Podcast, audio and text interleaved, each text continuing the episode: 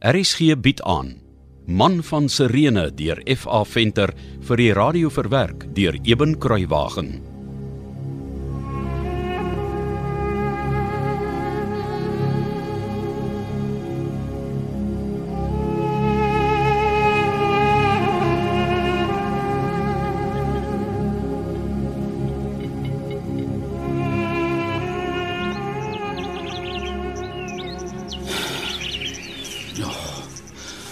Uiteindelik is die nag verby.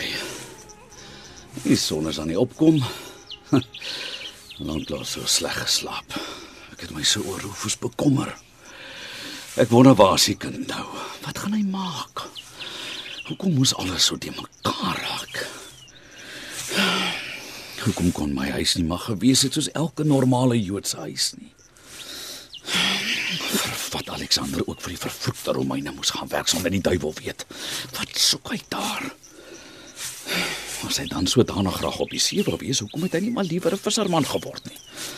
Hoekom vir die onderdrukkers gaan werk? Ek weet nie eers of hy nog regtig glo in die alleen lewende almagtige God van Israel nie. Oh, en Rufus, wat het in hom gevaar dat hy opsluit moes gaan leer? Hy kon alles wat belangrik is om te weet hier onder my dak en in die sinagoge geleer het. Soos ek. Alles wat ek moes weet, het my vader my geleer en die res was die heilige wet en die profete. Maar nee. Nee. Rufus moet gaan leer van Romeinse en Griekse wysheid en wat se bog ook nog. Maar wat het hy geleer van die God van Abraham, Isak en Jakob? En hy loop voeter hy agter hierdie hierdie hierdie bedrieger en oproermaker van 'n timmerman aan.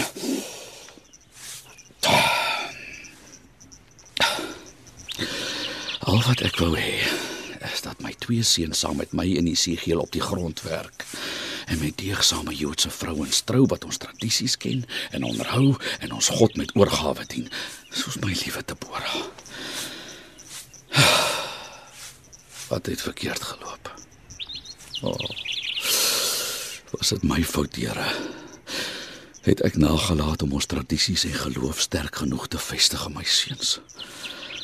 Of het ek gesondig dat U my straf? Ek sweer vanoggend almagtige God van Israel dat ek 'n sondoffer in die tempel sal bring sodra ek kan. En 'n dankoffer dat U ons veilig hierheen gebring het en ons boonop geseën het met U die grond en hulle en 'n land heer soos Josef van Arimatea. En by voorbaat smeek ek U om vergifnis dat ek my seun gisteraand uit my huis gejaag het. Ek was seker maar oorhaastig. En nou te kon verseker ook reg het in die kloue van daardie godslasteraar van Nasaret ingejaag. Ag, vergewe hom asseblief, my God. Hy's jonk en dwaas. Hy weet nie wat hy doen nie.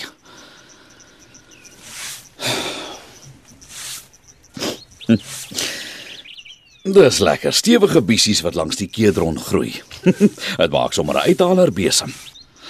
Maar verdomp of ek my gedagtes van Rufus kan afkry. Miskien sal dit help as ek 'n bietjie gaan kyk hoe dit met Deborah aan haar droogmat gaan. Net gou hierdie laaste bietjie opvee. En langs die paarskyp klaar. Ah, so ja.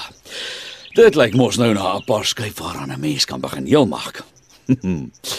Ons 'n paar slegte barste. Maar nou kan 'n mens hulle immer sien. Eintlik meer werk as wat ek gedink het. maar wanneer afskrik ek nou vir 'n ou bietjie werk. So ja. Nou kan ek gaan kyk hoe vaar Deborah daar by die droogmat. Ek dink in elk geval ek moet eers 'n draai daar gaan maak voor ek verder hier doen en raak. Dan vergeet ek en dan as ek nog dieper in die moeilikheid by Deborah as wat ek al klaar is oor gisteraand se moleste. Ezekiel, ek's klaar met die uitvee van die parskyp. Ek gaan net gou kyk of Deborah iets met die droogmat uitgerig kry. Regs Simon. En hoe vorder jy met die uh, geskoffel om die bome? Mens kan sien die grond is lanklaas losgemaak. Op partyplekke was dit taamlik hard. Maar dit het eintlik vinniger gegaan as wat ek gedink het. Ek is nou al amper klaar. Ja, dis goeie nuus. Dankie Ezekiel. Ek wil net gou kyk of jou sportjies ek moet gaan vervang in daardie droogmat. Die ou ding lyk maar 'n bietjie gedaan vir my.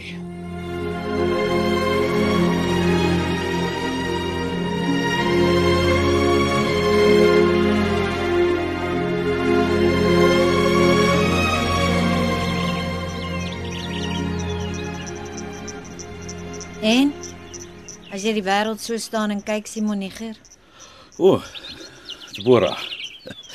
Ek uh, ek het jou nie daar sien staan agter jou lyfboom nie. Nee nee, ek uh, kyk sommer. waarna? Ag, jy weet uh, ja, of ek roef is nie dalk gewaar nie. Gaan jy baie droë, Deborah? Ja, gaan baie droog. Ja, ja, ons sal moet hard werk. Druiwe en olyfpars, koringoes en dors. Ek kan al die somer voel roer in die lug en ons hande is min. Dis net ek en die seegeel. Ja, ek kan mos my help. O nee, my liewe Deborah. Nee, ek laat jou nie op die grond werk nie. Jy's mos nie 'n slavin nie. Ons het twee uitgegroeide seuns wat my op die grond kon help werk het as hulle wou. Maar hulle wou nie. En dat jy op die grond vir my moet help werk, sal ek nooit as te nimmer toelaat nie. Nooit nie. Dankie Simon. Waarvoor? Dat jy soveel van my dink. Dat jy nie wil hê ek moet op die grond help werk nie. Dis harde werk. Ek weet. En vir 'n vrou nog harder. Ja, dis so ja. Ek sien die mat het 'n hele paar stukke in 'n sportjies. Ja, party kon ek maklik loskry om uit te haal, maar daar's 'n paar wat te styf vassit. Jy sal my ongelukkig met hulle moet help. Maar natuurlik. Nee, ek sal die mat vir jou baie netjies regmaak, sommer nog lank voor die vye ryp is. Dankie my liefste Simon. Dink jy hy sal terugkom, Deborah? Ja, hy hy sal terugkom. Daarvan is ek seker. Ek's baie dankbaar jy sê so. Jy was te kwaai met hom gisteraand. Heeltemal te kwaai. Ja, Maar as hy die dag terugkom, gaan jy hom nie weer wegjaag nie. nee. Simon, my liewe man. Dit breek my hart om jou so te sien worstel met alles wat gebeur het met die seuns. Glo my, ek weet maar al te goed hoe graag jy sou wou hê hulle moet saam met jou en Esigie op die grond werk. Ja. Ja. Ek uh, ek gaan kyk hoe ver het die seegeel gevorder in jou lyfpoort. Hy was net tot darmal amper klaar. Ek wil hê ons moet vanmiddag na ete die barste en die parskyp skoonkrap sodat ons hulle kan toepluister. Ek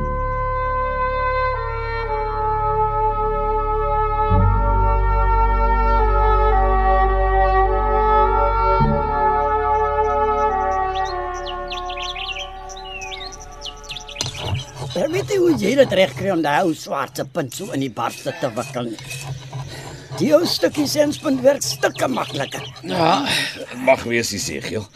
Maar die ou stukkie senspunt soos jy sê wat jy daar beet het, is net te klein vir my hande. Ek kry hom nie behoorlik vasgevat nie.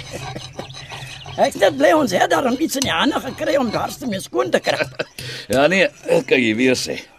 Maar ek's dankbaar die einde is in sig hoor. My vingers is al lam van die swaard so vashou. Hoekom dink jy was ek so haastig om die senspunt op te raap? O, oh, is dit hoe die wind waai? Nou, toe nou. Simon! Simon, hier kom iemand op 'n donkie aangery. Lyk soos 'n ouerige man. Erken jy hom dalk? Uh nee, ek het hom nog nooit gesien nie. Wag, ek kom. En dalk is dit nie so Rufus. O, oh, kyk. Daar kom hy aangery. sien jy hom? My wêreld. Oh, wie's dit? Dit lyk of jy hom ken. Ja, dis Josef van Arimatea. Ah, Simon van Alexandrië. Vrede vir julle. Josef van Arimatea, vrede vir u. Uh, laat ek u voorstel aan my liewe vrou Deborah. Ah, die pragtige vrou van wie ek al soveel gehoor het. Vrede vir jou, vrou Deborah. En vir jou, Esegiel. Vrede vir u, Josef van Arimatea. Maar jy is haastig met die kuip, né? Korrels is nog skaars gespeen en jy dan maak al reg om te pas. Ja, nee. Wat klaar is is klaar. Ons het nog heelwat werk aan die olyfpers ook. Ek wil hê alles moet gereed wees as dit oestyd raak.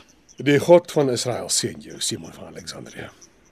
Hy het jou verseker na my gestuur want hy het geweet hoe nodig ek iemand soos jy het.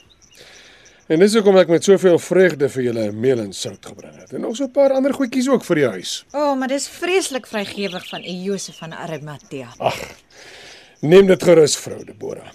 Ek besef maar al te goed dat onder julle omstandighede julle seker nie te veel het om van te lewe nie, né? Nee, nee, u is heeltemal reg. Ons het nie veel nie. Simon, uh, stuur Esegiel gerus na Nimrod, my skaapwagter, vir julle 'n slagding te gaan haal. Hy het vir hom 'n staanplek ingerig naby die put langs die pad na Joppe. Baie dankie Josef van Arimatea. Ja, ek weet van die u skaapwagter. Ek uh, laat sommer die goedjies hier by julle as julle nie omgee nie. Ja, ek moet alweer gaan. Uh, hoekom dan so haastig? Ek het gehoop om darm vir iets te drinke aan te bied.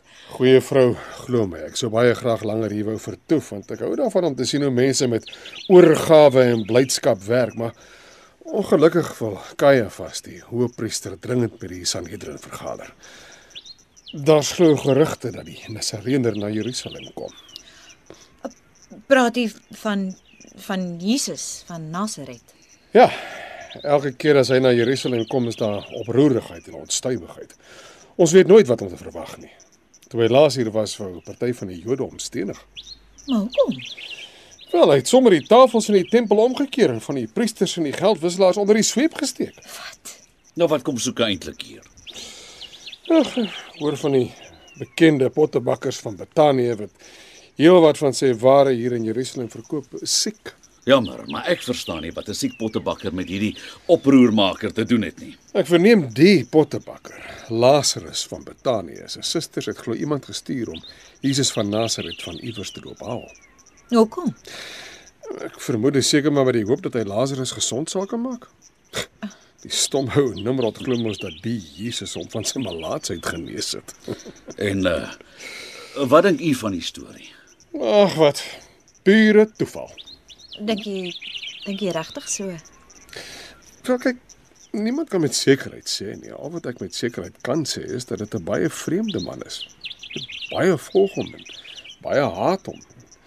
Dis hoekom ons so ligtig is dat hy dalk Jerusalem toe kom op pad na Betanië. Ons vermoed in elk geval hy wil na Jerusalem toe kom vir die viering van die Pasga, maar nou ja, nou moet ek ry. Vas wag vir niemand nie. Vrede vir julle. Vrede vir u, Josef van Arimatea. Wel, kan jy dit glo? Tot die hoëpriester Kajafas is bekommerd oor daardie timmerman wat my seun so van koers af het. Kom luister gerus maandag verder na Man van Sirene deur F.A. Venter wat vir die eerste keer in 1957 uitgegee is en in 2016 weer uitgegee is deur Lux Werby. Die spelers die week was Andrei Weideman, Simon, Chris Magid, Isegiel, Erika Wessels, Deborah, Martin Venter, Rufus, Pieter van Sail, Nimrod, Emma Kotse, Maria en Shaal van Heiningen was Josef. Cassie Louwers beheer die tegniese versorging. Die verhaal word vir RSG verwerk deur Eben Kruiwagen en in Kaapstad opgevoer onder regie van Joni Combrink.